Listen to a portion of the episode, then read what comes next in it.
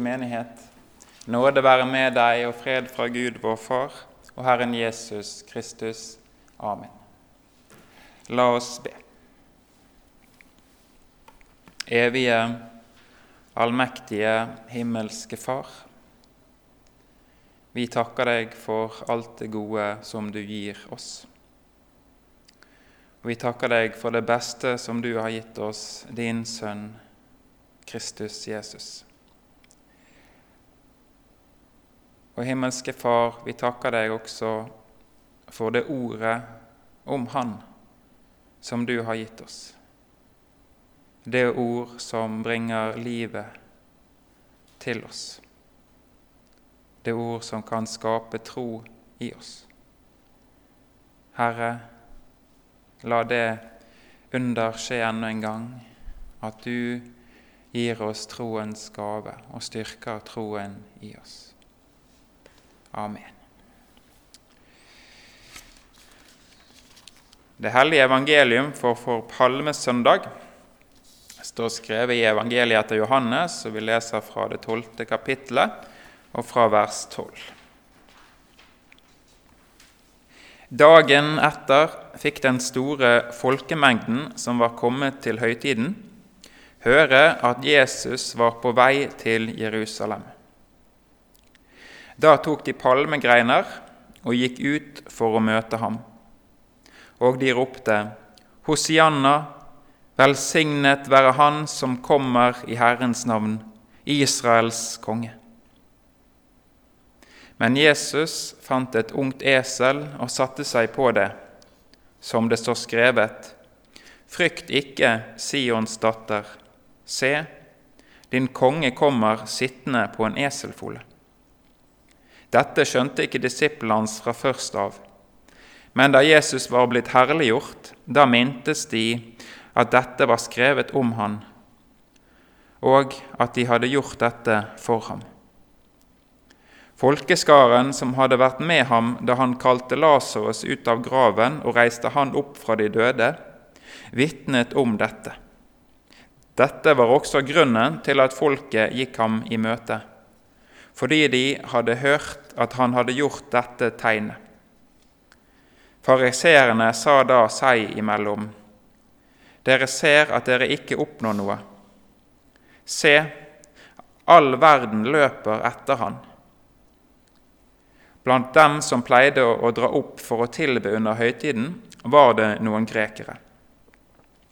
Disse kom da til Philip, som var fra Betsaida i Galilea og ba ham og sa, Herre, vi vil gjerne se Jesus. Philip kommer og sier dette til Andreas. Andreas og Philip går og sier dette til Jesus. Men Jesus svarer dem og sier, Timen er kommet da menneskesønnen skal bli herliggjort. Sannelig, sannelig, sier jeg dere, hvis ikke hvetekornet faller i jorden og dør, blir det bare det ene kornet men hvis det dør, bærer det mye frukt. Hellige Far, hellige oss i sannheten. Ditt ord er sannhet. Amen.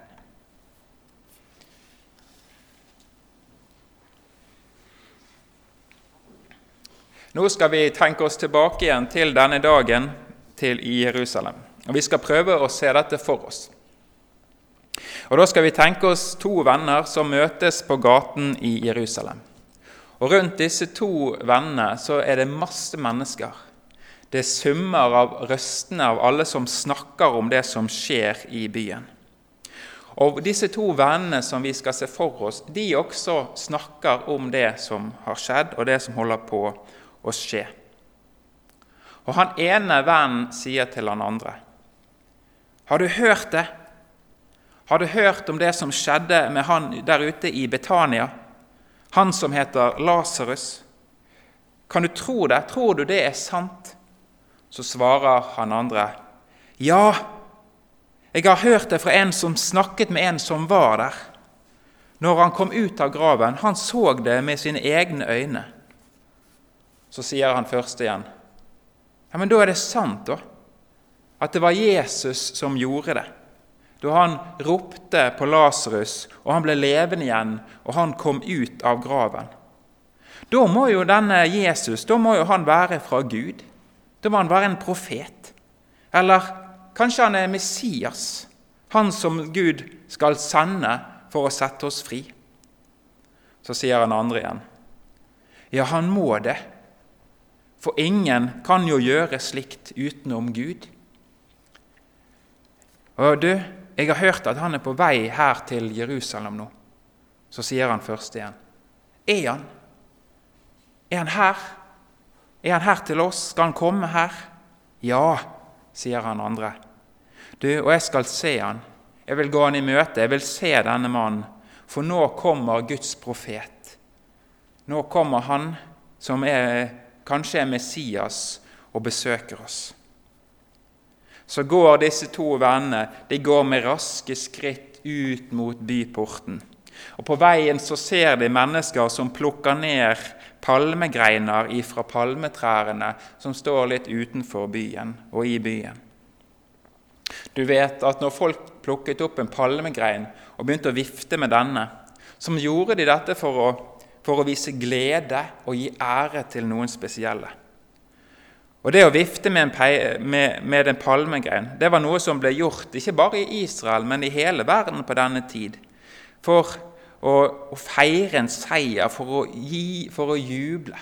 Så det var et seierssymbol som en ofte møtte brukte når en skulle ta imot en, en stor konge eller en kriger som kom tilbake igjen til byen. Så vifte med en palmegrein det var, en, det var et seierssymbol. I Norge så gjør vi jo nesten noe som kan ligne litt på det. Vi har jo disse små norske flaggene som vi kan vifte med.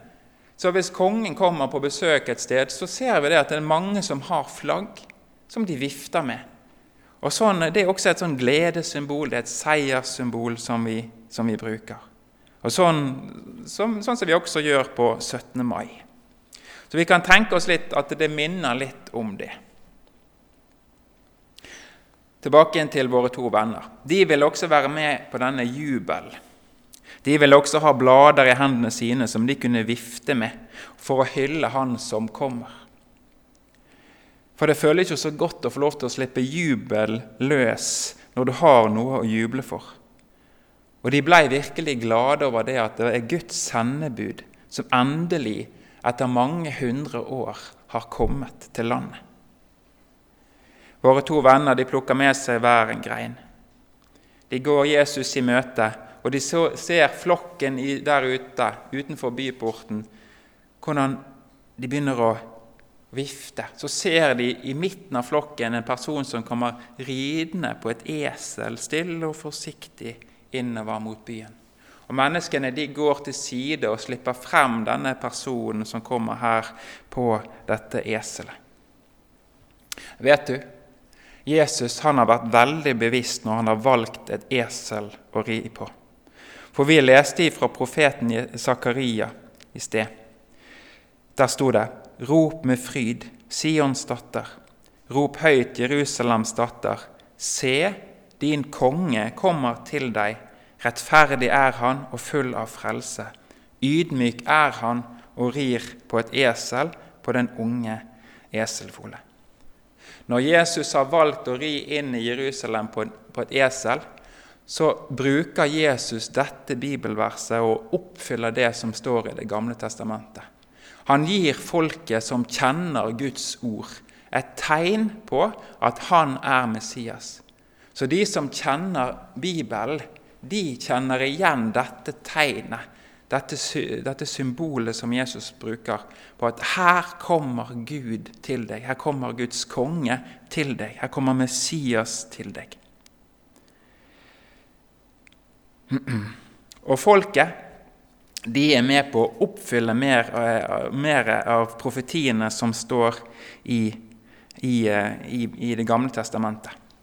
Da begynner noen å rope når de ser dette tegnet så begynner de å rope fra et annet sted i Det gamle testamentet. De begynner å rope fra, fra et avsnitt i Salmenes bok, og fra Salme 118. Det er faktisk en salme som det jødiske folk brukte under påskefeiringen. Så dette er en påskefeiring som jødene synger hver påske. Og nå tar de denne påskesalmen og synger den til Jesus. Og de, de, de roper til Jesus Hosianna, Hosianna, eh, velsignet være Han som kommer i Herrens navn, Israels konge. Det er det som står i Salme 118. Stadig flere blir nå med når folket tar imot sin konge og sin frelser. De er fullt av glede. Og hva er en frelser? En frelser det er en som redder oss når ikke vi er i stand til å redde oss selv. Det er det Jesus er, og nå kommer han til folket. Hosianna det betyr hjelp, eller redd oss, eller frels oss. Som de som er med og roper det denne dagen, de roper det til Gud. Og det de vil, disse menneskene som tar imot Jesus, de vil nå at Jesus skal ta makten i dette landet. For vi må huske på at dette landet på Jesus' sin tid, det var det ikke jødene som bestemte i. Det var noen andre, det var det romerske riket, som hadde tatt makten i dette folket, i dette landet, og styrte det. Så jødene de var på en måte fanget i sitt eget land. Og nå roper de til Jesus Herre, frels oss fra dette romerske riket. De forventet at nå skulle Jesus ta tilbake makten her i landet. At han skulle bli den store kongen. Han skulle bli eh, som en ny David som skulle komme og gjøre dette riket stort. Så deres hosianna, deres 'redd oss', deres 'frels oss', det er et gledesrop like mye som det er et nødrop. Det er et sånn gledesrop som vi roper ut når vi endelig ser at redningen kommer. Tenk deg at vi ligger i, i, på sjøen helt alene, og så ser vi eh, redningshelikopteret komme over oss.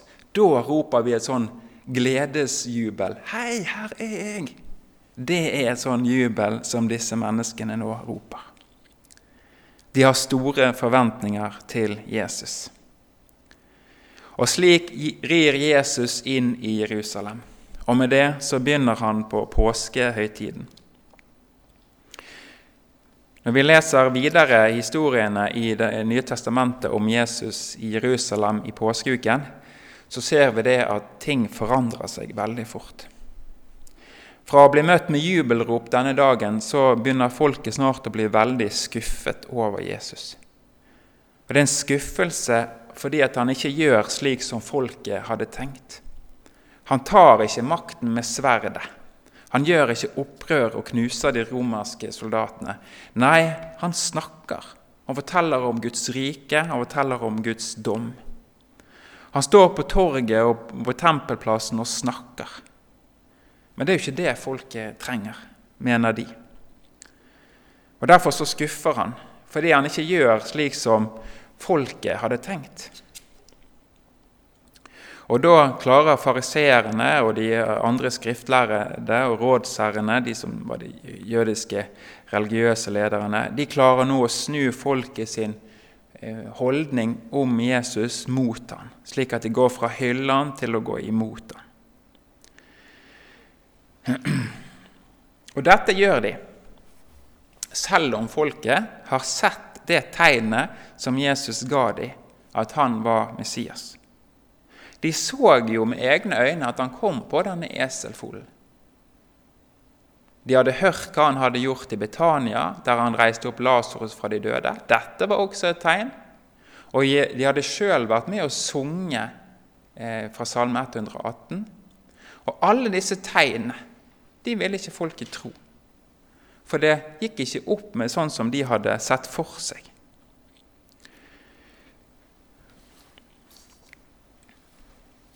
Så de var ikke klar over hva Jesus egentlig skulle gjøre. For Jesus' sin gjerning den var egentlig, eller den er noe som, som folk ikke har skjønt før etter han var stått opp igjen fra de døde. Det ser vi også med, med disiplene. Vi kan si det at Jesus sin gjerning det er en hemmelighet. Og i Bibelen der forteller Gud sin hemmelighet til oss om hva Jesus er, og hva han skal gjøre. Og Denne hemmeligheten det er hemmeligheten om Messias. Og Messias, det kan vi si, det betyr Guds tjener. Og hva er Messias sin tjeneste? Om dette så forteller Bibelen veldig mye. Jeg skal lese to ting, to vers eller to steder som forteller litt om Messias' gjerning. Vi leser fra Jesaja 53, vers 10. Der står det, og dette er skrevet lenge før Jesus levde. Men det behaget Herren å knuse ham. Han ham med sykdom. Når du gjør hans sjel til et skyldoffer, skal, skulle han se etterkommere og leve lenge. Og Herrens vilje skulle ha fremgang ved hans hånd. Her forteller Gud oss at Messias sin gjerning det å være et skyldoffer. Det å være et offer for menneskets synder. Noe som ofres for å ta bort det skillet som er mellom Gud og mennesket. Det var Messias sin gjerning å dø for folket. Så kan vi lese mer om andre ting Messias skulle være. Det er også fra Jesaja, fra Jesaja 9. Det folket som vandrer i mørket, skal se et stort lys. De som sitter i dødsskyggens land, over dem skal lyset stråle. Det folket som du før ikke ga stor glede, lar du bli tallrikt. De gleder seg for ditt åsyn, slik en gleder seg om høsten. Messias han skal være et lys i verden. Når verden ikke har håp eller glede, da kommer Jesus og blir vårt håp og vår glede. Messias han skal være Guds konge. For å forstå enda bedre hva det vil si å være, hva Messias skulle være, og, og hva Jesus skulle gjøre, så kan vi tenke oss historien om David når han slåss mot Goliat. For da må vi huske på at David i den historien han er et forbilde på Jesus, og han er et forbilde på Messias sin gjerning. Og hva er det David gjør? Jo, han kommer liksom fra ingen steder, og han går frem, og han blir folkets leder. Og han tar opp kampen mot den store fienden, mot Goliat, og han seirer over fienden på vegne av folket. Det er det som er Jesus sin tjeneste, og det er det vi kan lære av den historien om David og Goliat. Jesus han er Herrens tjener, som kommer med frelsens gave. Han kommer med seg selv som en gave til hele jorden. Og Så leste vi i teksten fra Johannes-evangeliet om noen grekere. Altså Det er disse som bor i Hellas.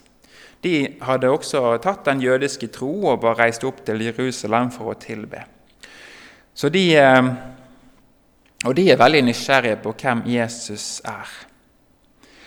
Og det at Det nye testamentet tar med disse grekerne, det forteller oss det at historiene om Jesus, budskapet om Messias, det er ikke bare en, en frelse for det jødiske folk. Nei, det er en frelse for alle folk. For her tas med grekerne så tas også vi inn i denne historien. Og så svarer Jesus disse grekerne, eller til Philip og Andreas. Han forteller dem det som er hemmeligheten i Guds rike.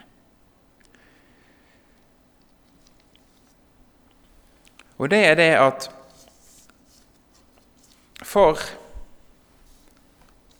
at noe skal få liv, så må noe annet død. Noe må noe annet dø. Og Da bruker han historien eller lignelsen om et hvetekorn, det lille kornet. For at det skal bli flere korn, så må det kastes i jorden og dø. Og slik så blir det et korn som gir mye frukt. Så for at noe skal bli gjort levende, så må noe annet dø. Og Dette her, det passer så godt, det som Jesus her sier, sammen med de andre tingene som vi har lest fra Det nye testamentet og fra Det gamle testamentet, om hvordan Messias han skal eh, gi sitt liv, og han skal være et skyldoffer for Gud. Ved at han gir seg selv. Folket de viftet med palmegreiner, seierstegnet som det var, mens de ropte 'Hosianna, hjelp oss, frels oss'. Det samme det gjør også vi i dag, vi som tror på Jesus. Vi kan få glede og juble, oss, juble over at Jesus har seiret. Og vi roper til han 'Hjelp oss, frels oss', fordi vi trenger at han gjør det hele tiden. Jesus han har gitt sin seier til oss. I dåpen så fikk vi den gaven. Vi fikk den helt gratis. Og gjennom troen på Han så vil Han bevare oss og passe på oss videre i livet også. Han har samlet oss i menigheten for at vi skal få Guds mat her. Og her tar han også seg av oss. Det er som om Jesus kommer stille og ydmykt inn til oss her som vi er. Han kommer oss nær og gir seg selv til oss. For det har Jesus lovet. Og han gir, også, og han gir oss sitt liv. Han gir oss en del av han, han som ikke kan, kan dø. Hva menes med det? Jo, når vi samles til nattverd, så spiser vi jo brød og vin. Og det brødet og den vinen som vi spiser og drikker, det er da blitt noe mer enn brød og vin. Og dette, at vi gjør dette, deler brød og vin, det er også et tegn. Det er også et sted der vi, når vi ser det, når vi ser dette tegnet i menigheten, så har vi Guds ord på at da er jeg der, sier Jesus. Det er et tegn gitt for oss som vi kan tro på. Det er noe vi kan se Gud i og vite at da er Jesus nær. For ved Jesus sine ord, som vi eh, sier før vi, som presten leser opp før vi deler brødet og vinen, så gjør Jesus brødet og vinen til sin kropp og sitt blod. Slik at vi, uten at vi kan se noen forandring på det, spiser det som samtidig er brød og kropp og vin og blod. Og vi tror det fordi at Jesus har sagt det.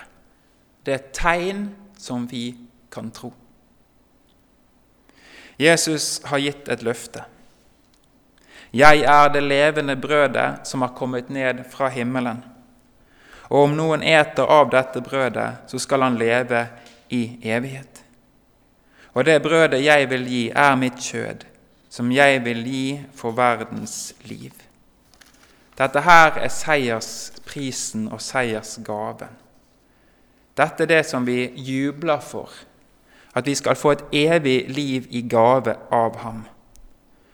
Ja, at når vi kommer frem til Jesus sitt bord, så spiser vi av evig liv. Vi smaker evig liv. Vi gis syndenes forlatelse. Vi gis fellesskap med Jesus, vår konge.